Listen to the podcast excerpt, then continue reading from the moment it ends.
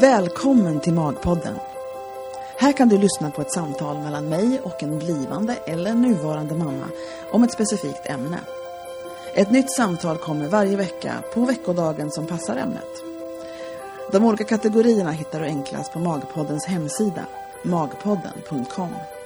Där hittar du också porträtt på dem som jag pratar med här. För jag är porträttfotograf i Vasastan i Stockholm med speciell inriktning på gravida och nyfödda. I min studio har jag haft många fina samtal med mina kunder. Och en dag insåg jag att de här samtalen kanske var någonting som andra kunde ha glädje av att lyssna på. Av olika anledningar. Och så kom Magpodden till. Jag heter Bodil Bergman Hughes och mitt företag heter Bergman Hughes Images. I övrigt så gillar jag saltlakrits, sköna soffor, roliga kvinnor, berg- och dalbanor, sena kvällar, stora hjärtan, soulmusik och kaffe, bland annat. Nu börjar vi.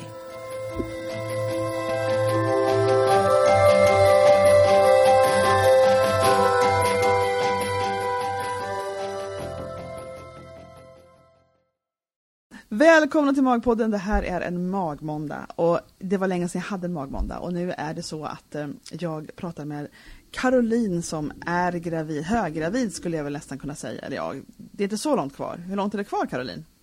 Eh, Jag är i vecka 36. Ja, så det börjar närma sig nu. Ja, Och det är inte så dumt i ditt fall för du har inte haft sån här jättebra graviditet. Eller ja, alltså, det är en definier, definitionsfråga kanske men du har haft det lite jobbigt. ja. Eh, jo, eh, jag har ju mått väldigt illa sedan eh, vecka 6. Ja. Typ. Så nu är 30 veckor ungefär.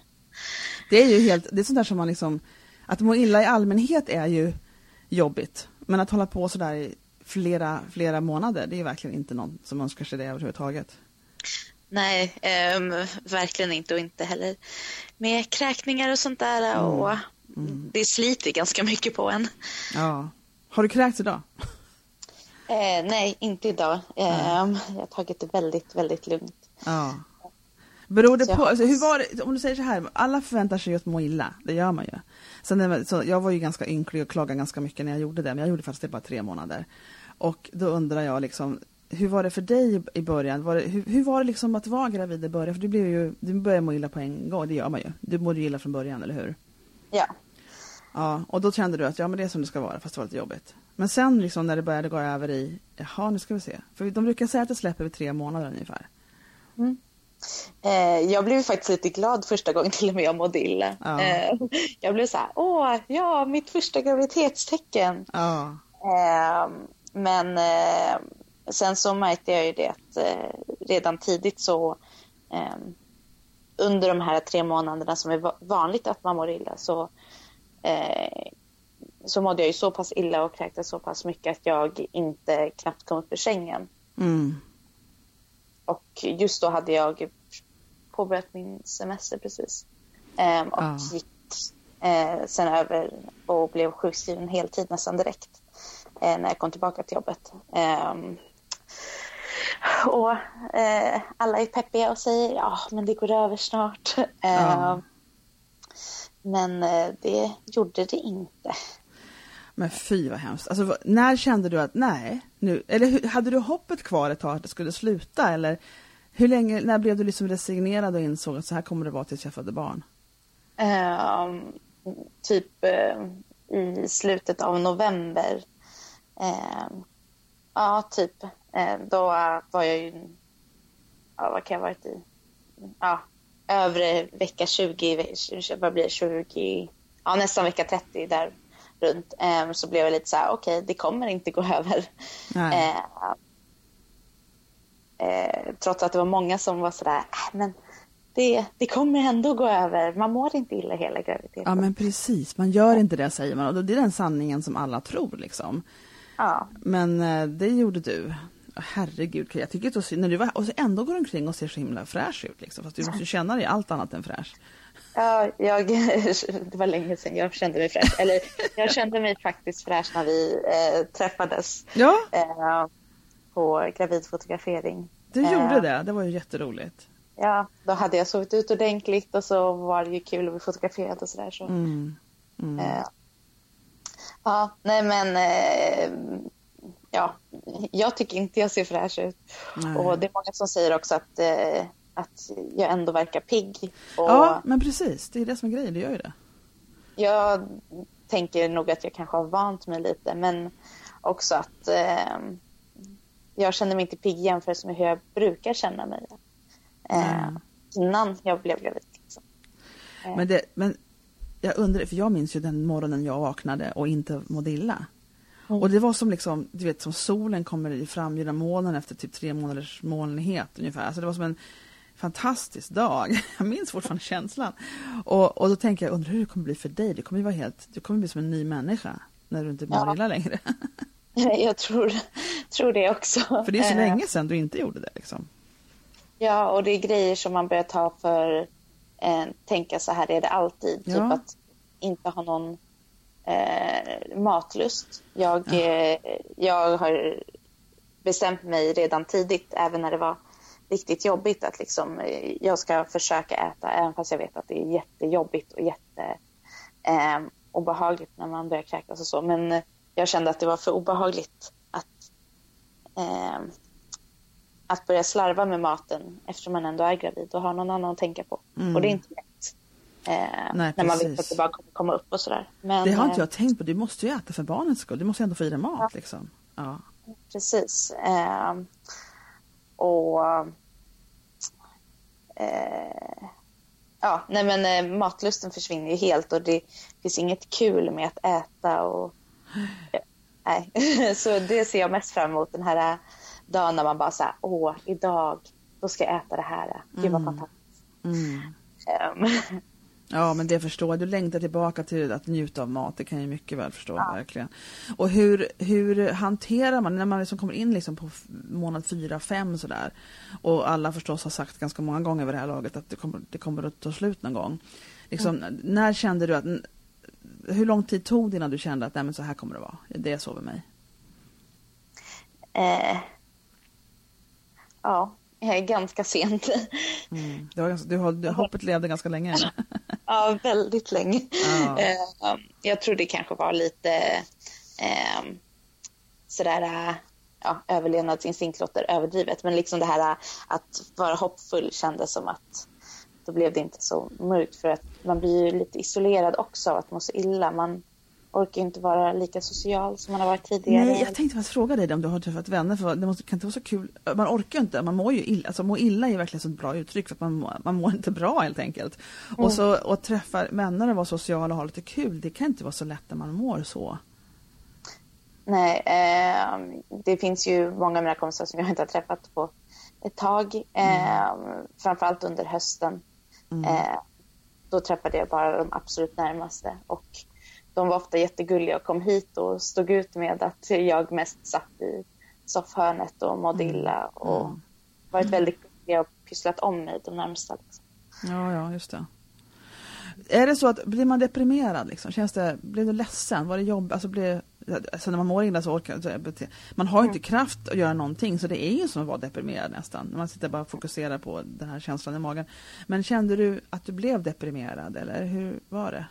Eh, jag... Eller är Eh, eh, det är ju så att om man eh, lider av extremt eh, illamående så blir man ofta deprimerad Mm. eh, och måste kanske gå till en läkare eller så. Eh, Mm. Jag kände att jag var att det var väldigt jobbigt ett tag och Mm. mådde inte bra och att bara vara hemma medans ja, typ min make kommer hem Mm. sen vid sex eh, och då har man varit själv i många timmar och försökt Mm. få sig någonting att äta och sådär och Mm. bara ligga och inte ens orka kolla på tv eller läsa en bok. Nej, du kunde inte göra det heller. Nej, eh, det är inte när det var som värst.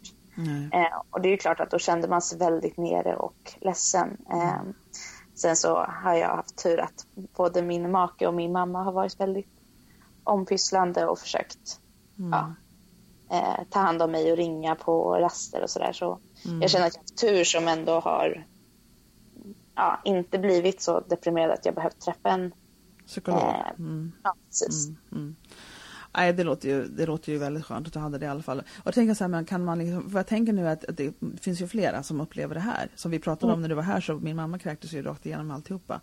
Mm. Hela förlossningen, alltså hela med mig, graviditeten och, och, och det har jag alltid bara, det är som en liten anekdot sådär som man, och så man verkligen tänker till och och så träffar dig ansikte mot ansikte och tänker man gud vad det måste ha varit svårt. Och då, hade, då var inte hennes första barn heller, då hade hon en fyraåring också. Eh, och, och, det tänker jag också måste vara svårt när man, för det måste ju finnas mammor som är så här på sitt andra barn.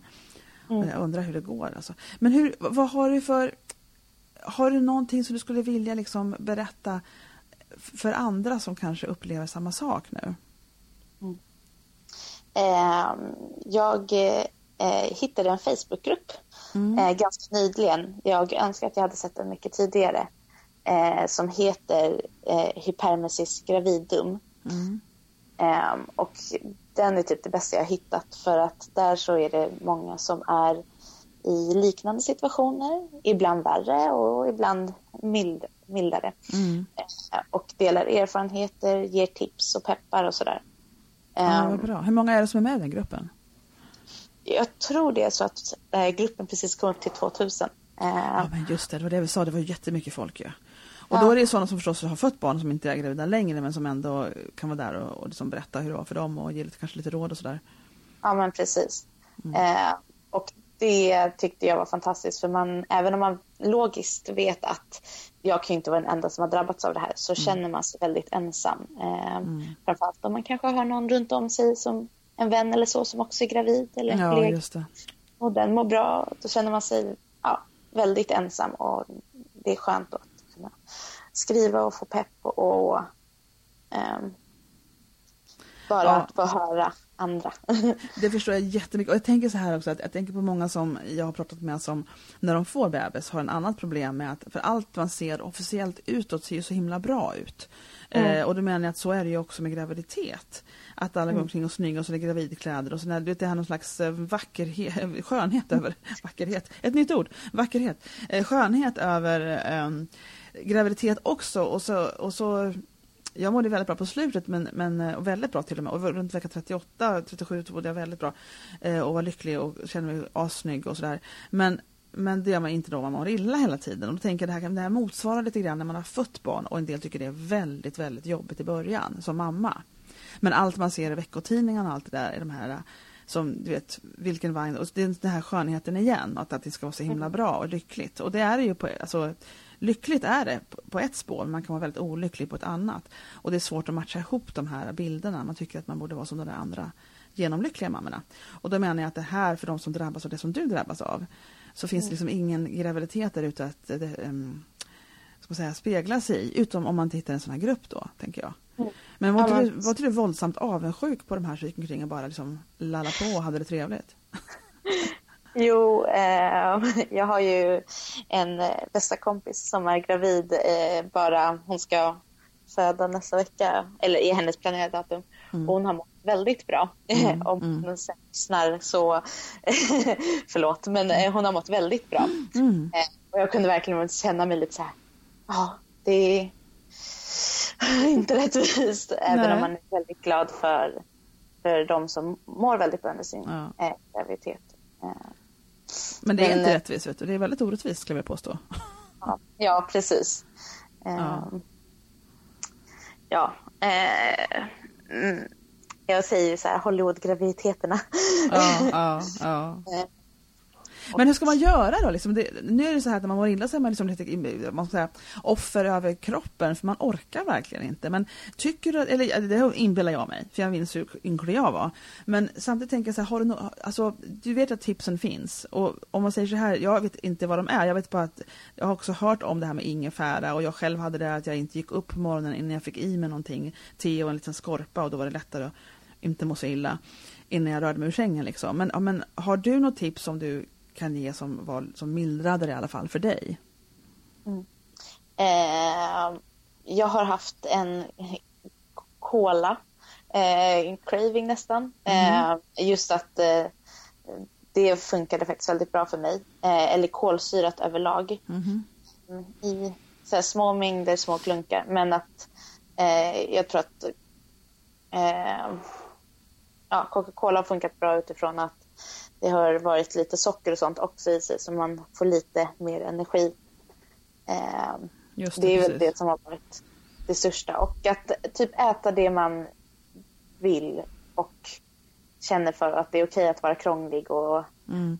ändra sig ifall man har någon annan där hemma som lagar maten. Att säga att nej, det där vill inte jag äta. Nu Vad var det som funkar för dig att äta då, sådär, i alla fall halvbra? Ehm, ja, svår, svårt. Eh, i, i, för mig har det funkat att äta grejer som inte har varit alltså så här, riktigt, det beror på vad man tycker, men lite tråkig husmanskost. Liksom så här, köttbullar och pasta. Ja. Ingen sås eller någonting. Nej. Inte, inte ketchup eller, utan bara så här enkelt. ja. Ehm, och samma sak så här, torrt ris tillsammans med eh, en grönsak eller väldigt uppdelat, inte där det har varit mycket olika smaker eller så. Aha. Det har inte funkat för mig. Ehm, vilket är tråkigt för innan så älskade jag allting med sås, allting med kryddor.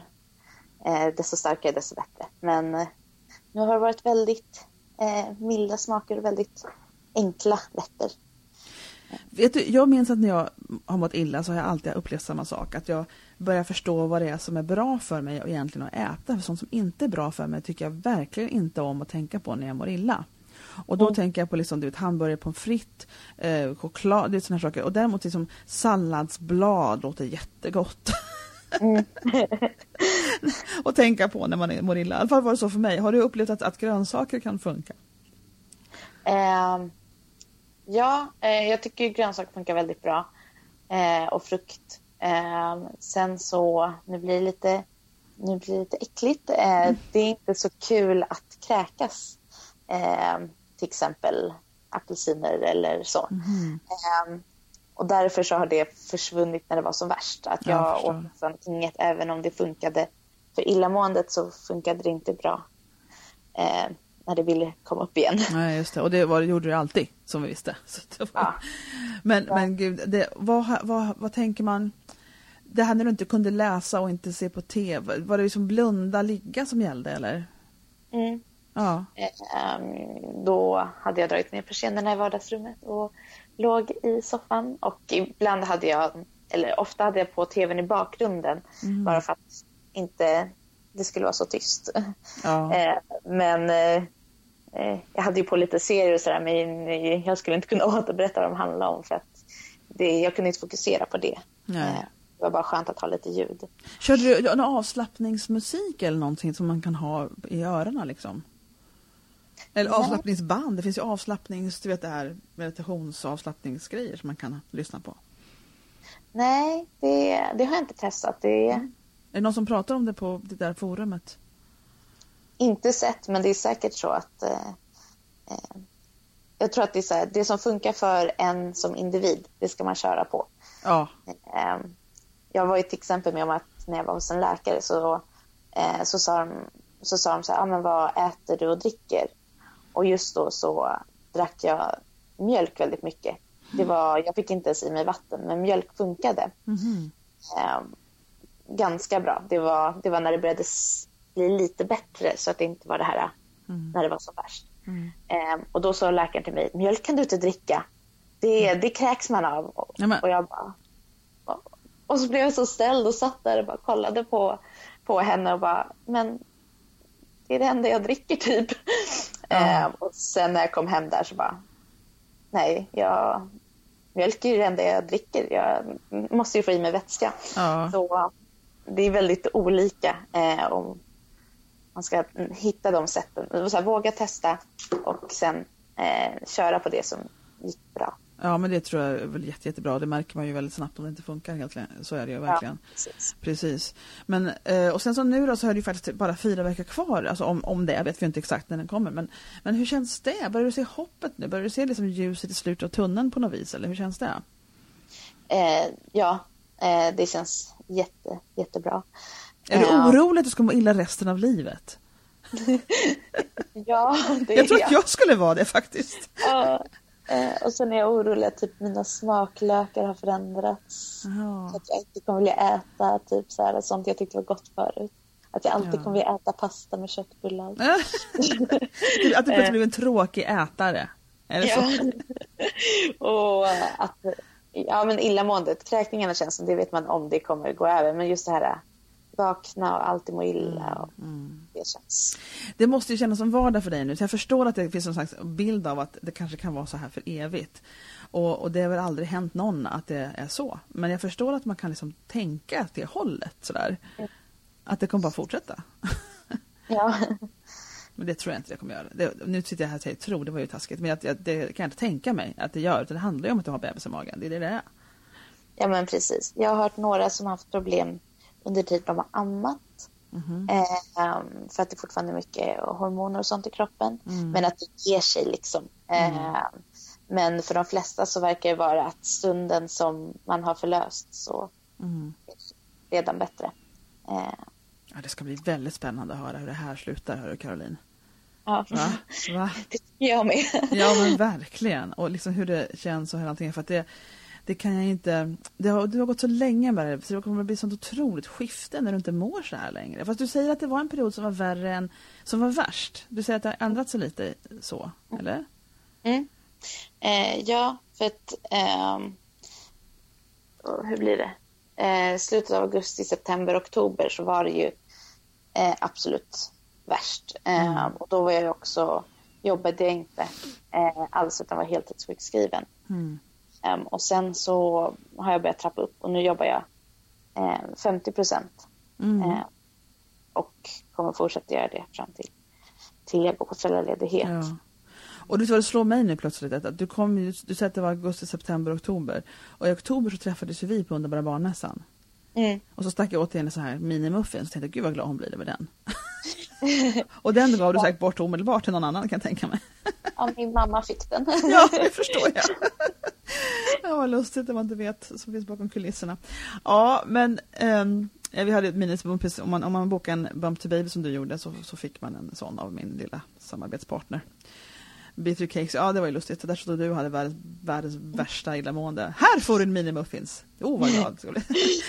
Men eh, ja, men sen så när det började trappa ner, kände du också då, då kände du av att ja men det här var ju ändå lite bättre? Mm. Ja. Ja, eh, och det var ju då som hoppet blev sådär eh, stort och man bara, snart är det över. Eh, men eh, ja, sen så blev det ju bara bättre till en viss gräns. Mm. Eh, jag fortfarande mår illa varje dag. Ja. Och kräks varje dag. Känner du att det, det, det här är ju kanske en väldigt svår fråga, men jag tänker på det här, för jag vet att jag var väldigt gnällig som gravid när jag var nere i början. Där. Jag, jag är inte alls stolt över min liksom, heroism där. Eh, så jag gnällde ganska mycket och jag tyckte det var hemskt och någonstans liksom Ja, jag kan inte säga att jag hyste agg mot barnet, det kan jag inte säga att jag gjorde, men jag liksom tänkte att attans ska vara så här, alltså det var inget det var ju kul att vara gravid helt enkelt. Och då så, eh, sen så försvann ju det förstås när i det målet försvann. Men jag tänker liksom att, och likadant när jag hade förlossningsrädsla som jag hade ett tag ordentlig. Eh, och tänkte att varför ska vi ut i det här himla kriget och vara här med om det här hemska, vi kvinnor alltså. Eh, och det var, kändes orättvist och hemskt och alltihopa. Förstår. Man får ju ett perspektiv på tillvaron allt eftersom, man växer in i det, allt det där. Men, men hur känner du att du, alltså, så här, man kan inte föreställa sig hur det är att få en bebis. Man kan inte föreställa sig känslorna. Det är någonting man inte kan tänka innan. Jag vet det. Men är du rädd liksom att du ska påverka hur du känner för din bebis? Att du har mått så illa så länge och fått straffats med det. Liksom. Eh, inte, inte nu. Eh, innan, eh, I tidig graviditet när man inte känner rörelser eller någonting. Mm. Eh, då känner man sig mer sådär, ja men lite eh, arg och lite sådär. Eh, ja, och jag verkligen älskar barn och har, det har liksom varit längtat att få barn. Eh, så, men, men lite det här, eh, lite irritationen eller lite sådär jobbigt. Men nu när man känner rörelser och det är så mycket grejer som händer och så, då känner man ju att det är en person som, eh, som man redan tycker om så mycket och älskar. Ja, så då, ja. då blir det liksom att just nu så känns det värt varje sekund. Ja. att det känns så, så liksom levande och man märker av att ja, eh, han är en kvällsperson som sparkar alltid extra mycket på kvällarna. Och så här, det, man, eh, hakar upp sig på egenskaper liksom, eller Mm. tankar. Liksom. Mm. Då känns Ja, det men- bara Ja men vad trevligt. Det är skönt att känna så, som att ha dukat under för liksom, de negativa känslorna. Alltså det som det här ger, alltså, alltså negativa känslorna i kroppen. Att man inte Eh, att man inte kan tänka förbi det. För det, det är väl, tror jag man hjälper till att tänka förbi det. Och att det är värt varje sekund låter ju fantastiskt. Det skulle jag inte förväntat mig faktiskt. Värt var tredje sekund kanske jag kan tänka mig. Men inte varenda. Men jag förstår vad du menar. Det blir en väldigt närvaro när de börjar röra på sig sådär ordentligt. Det, det, gör, det gör det ju. Verkligen. Och nu så är det faktiskt så att det är fyra veckor kvar. Du har varit med om många omgångar fyra veckor. Så du klarar väl de här fyra också då kan jag tänka mig. Ja. Eller vad det är. Kanske två veckor kvar. vet man ju inte. precis. Vi, vi får se. Eh, och sådär. Och vad, vad händer idag då? Har du varit, är du ute varje dag eller, eller hur gör du liksom? Ja, du jobbar ju nu. Kom på. Gör du ju. Eh, jag eh, jobbar ju halvtid. Mm, Eh, just det. Så du är iväg i alla fall. Ut och... Var det bra att börja jobba? Kände du att det var liksom, gav något med typ lite social samvaro och uppgifter och sådär? Mm. När du började jobba? Eh, ja, eh, det tyckte jag. För när jag började jobba, då jobbade jag bara... Eh, jag startade på bara att jobba 25 procent Mm. och 75. Och då så eh, att träffa andra människor som inte var mina föräldrar och min make. Eh, det gör mycket. Det är klart du gör.